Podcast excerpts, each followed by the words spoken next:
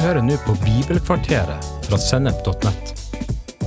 Bibelkvarteret er én kvarters påfyll i hverdagen fra Guds ord, både til inspirasjon og introduksjon til viktige temaer i Bibelen. Du vil også finne mer stoff på Sennep.nett som gir deg inspirasjon til å følge Jesus i hverdagen. Følg oss på Facebook og Instagram, og abonner på våre podkaster i Spotify, iTunes, Google Podkast, YouTube eller i den podkastappen som du bruker. Himmelen. Sannsynligheten er stor for at dette ordet vekker bilder og forestillinger hos deg. Du kjenner sikkert på en glede. Kanskje er du også litt nysgjerrig. For hva er himmelen egentlig? Og hva er greia med ny jord når vi har en himmel i vente? Når vi dør, så forlater vi jorda og vår fysiske kropp. Vi går for å være med Kristus. Så langt, så bra. Men når vi tenker og snakker om himmelen, kan vi av og til komme i fare for å snakke ned jorda. En kan få inntrykk av at det som virkelig betyr noe, er himmelen, at jorda er en parentes, et midlertidig oppholdssted fram til Jesus kommer tilbake og tar oss alle hjem til himmelen.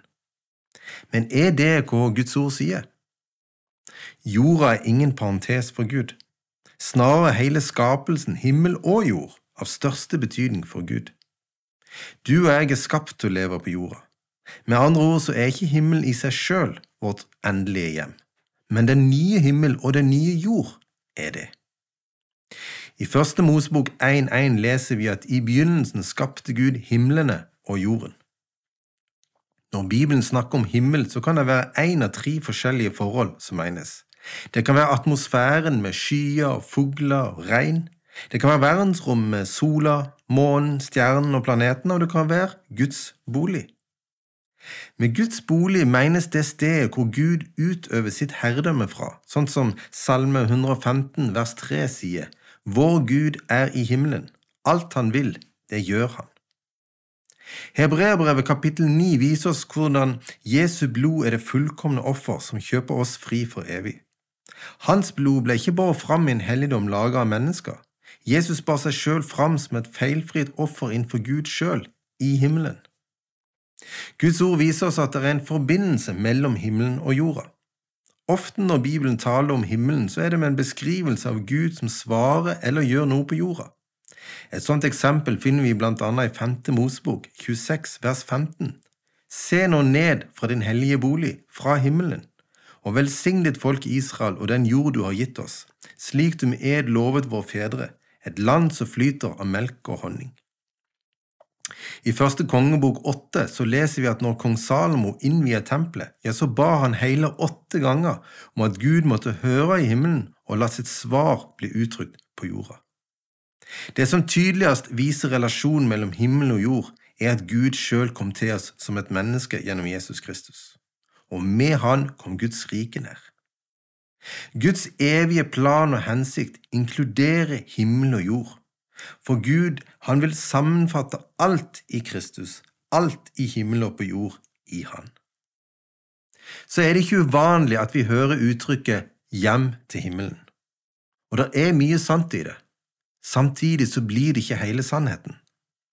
I Hebreerbrevet kapittel 11 og fra vers 8 så kan vi lese om trosheltene fra Det gamle testamentet. Felles for de alle var at de hadde en tro og en lengsel etter et hjem. Denne lengselen gjorde at de følte seg som fremmede hvor de enn bosatte seg. Dermed var det verken Israel, Norge eller et annet land de lengta etter.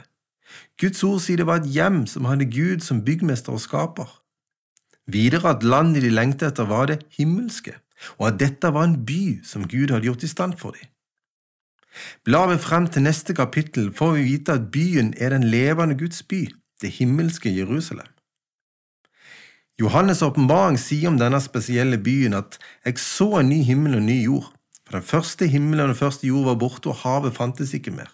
Og jeg så den hellige byen, det nye Jerusalem, stige ned fra himmelen, fra Gud, gjort i stand og pyntet som en brud for sin brudgom.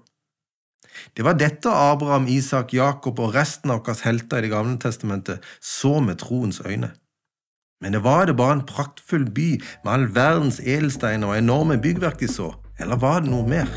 Noe som inkluderer deg og meg?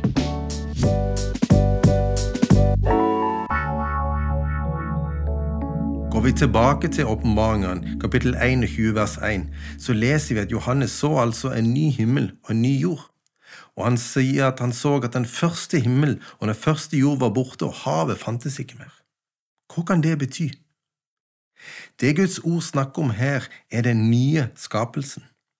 N.T. Wright skriver den nye skapelse har allerede skjedd. Det er de gode nyhetene om fortida. Den nye skapelse vil skje fullstendig. Det er de gode nyhetene om framtiden. Evangeliet om Jesus Kristus er de gode nyheter om at ved Jesu død oppstandelse gikk startskuddet for Guds gjenopprettelse og gjenreisning av alle ting. Vi som er kommet til tro, lever i forsmaken av dette. Ved troen på Kristus er vi allerede blitt en del av Guds nye skapelse. Men Guds ord sier at dette inkluderer mer enn bare oss mennesker. Jesus sier at alt skal bli født på ny. Det betyr at hele skaperverket er inkludert i Guds plan. Dyreliv, elver, trær, ja, hele kosmos vil Gud gjøre nytt. La du merke til at Johannes skriver at havet fantes ikke mer? Hele 70% av jordas overflate og 95% av leveområdene på jorda består av vann. Sier Guds ord her at en dag eksisterer ikke denne massive delen av skaperverket mer? Havet brukes i Bibelen noen ganger som et bilde på synderes opprør mot Gud. Så det er ikke havet, men synd og dens fatale konsekvenser som en dag skal være borte.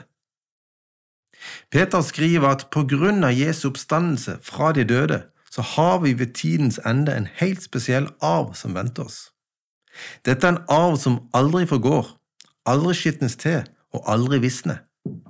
Med andre ord er det noe som aldri har vært utsatt for eller vært et redskap for synd. Guds løfte er en ny himmel og en ny jord der synd og dens konsekvenser ikke lenger eksisterer. Hvert et spor av synd skal være borte. Satan og hans demoner skal ikke lenger kunne myrde, stjele og ødelegge. Til og med døden skal være borte for alltid. Det blir en evig tilværelse der Guds rike er det eneste herredømmet som eksisterer, en tilværelse hvor rettferdighet bor. At Gud skal gjøre jorda ny, er på et vis lett å forstå, men hvorfor en ny himmel? Det er ingenting galt med himmelen sånn som den er i dag, ingen synd har tilgang der, men Guds ord viser oss at det hele tida har vært Guds plan og hensikt at himmel og jord skal være forent. Den nye himmel innebærer at alt som er i himmelen i dag, vil på en måte som bare Gud vet, knyttes tettere til jorda enn det vi noensinne har opplevd før. Det er dette som beskrives i åpenbaringen kapittel 21 fra vers 22, at noe tempel så jeg ikke i byen. For Herren Guden allmektig og lammet er dens tempel, og byen trenger ikke lys fra sol eller måne for Guds herlighet lyser over den, og lammet er dens lys. Folkene skal vandre i lyset fra byen, og jordens konger fører sine rikdommer dit. Det er vanskelig å forstå, og enda vanskeligere å forklare denne fantastiske framtida Gud har for oss. For det vi leser om, er himmelen på jord.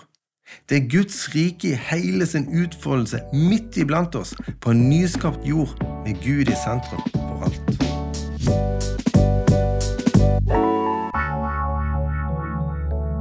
Jesus kommer en dag tilbake til jorda, og da vil det skje at kroppene våre blir forvandla og tilpassa den nye himmel og den nye jord. Troende som lever på jorda på det tidspunktet, vil på forunderlig vis oppleve at kroppen forvandles på et øyeblikk. De som døde i troen på Kristus, blir reist opp fra de døde med forvandla fysiske kropper. Disse nye kroppene betyr ikke at vi fysisk skal se ut som Jesus men det er kropper med samme kvalitet som den kropp, som den kropp Kristus har i dag. En kropp som aldri har vært redskap for synd eller blitt utsatt for syndens konsekvenser. En kropp skapt og tilpasset evigheten med Gud i en ny himmel og en ny jord. Hva kan dette innebære for oss? Jo, det får vi et glimt ut fra det som Joni Eriksen Tada skriver. Hun skriver Jeg kan fremdeles ikke tro det. Jeg med mine visne, bøyde fingre, med muskelsvinn, knudrete knær uten følelse fra skuldrene og ned, vil en dag få en ny kropp, lett, lys og kledd i rettferdighet, sterk og blendende. Kan du forestille deg hvilket håp dette gir en med en ryggmargsskade som min, skriver hun. Eller med en med en cerebral parese, en med hjerneskade eller en med multiple sklerose. Forestill deg håpet som dette gir en som er manisk depressiv. Ingen annen religion, ingen annen filosofi lover nye kropper, hjerte og sinn. Bare i Kristi evangelium finner lidende mennesker et så utrolig håp. Når Romerbrevet 8 beskriver hvordan Gud skal forvandle hele skapelsen, får vi et fantastisk løfte i vers 23. Også vi som har fått Ånden, den første frukt av høsten som kommer, sukker med oss selv og lengter etter å bli Guds barn fullt og helt når kroppen vår blir satt fri. Den hellige ånd er både vår garanti og pant, som gjør oss trygge på at det Gud har lova, vil han gjennomføre. Scott McKnight skriver alt som handler om himmelen, og jeg mener absolutt alt, bygger på Jesu oppstandelse fra de døde. Jesus Kristus sitter nå på tronen. Derfor skal Gud gjøre alle ting nye. Som Guds sønn var han lydig inntil døden. Gjennom sin død oppstandelse tilintetgjorde Jesus djevelens gjerninger, tok imot syndens lønn og seira over døden. Med Jesus døde også den gamle, falne skapelse som levde i opprør og atskillelse fra Gud. Når Gud en tredje dag reiste Jesus opp ifra de døde, var han den første i Guds nye og evige skapelse. Det betyr at vi som tidligere var en del av den gamle, fortapte skapelsen, har ved troen på Jesu døde oppstandelse fått et nytt liv av Han. Vi har gått over fra åndelig død til åndelig liv, og vi skal, om ikke Jesus kom igjen før det, gå over fra fysisk død til fysisk liv. Alt på grunn av Jesu oppstandelse fra de døde. Den nye skapelse handler ikke bare om det som kommer, men også om det vi har her og nå.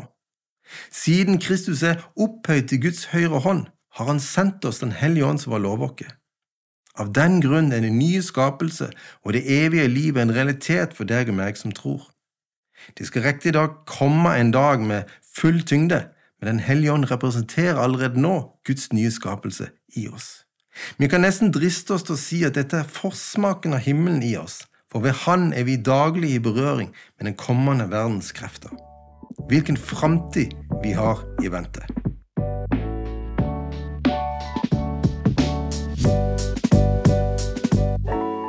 Du har hørt en episode fra Bibelkvarteret på sennep.nett. Du vil også finne mer stoff på sennep.nett som gir deg inspirasjon til å følge Jesus i hverdagen. Innholdet på Sennep er gratis og tilgjengelig for alle takket være økonomisk støtte fra kristent nettverk, menigheter og enkeltpersoner. Du kan også hjelpe oss ved å be for oss at vi skal forkynne ordet med frimodighet. Ved å dele innholdet vårt med venner og bekjente. Ved å rate podkastene våre på iTunes eller i podkastappen som du bruker. Eller ved å gi en engangsgave på VIPS. VIPS nummer 54 66 68. Takk for at du lytter til sennep.nett.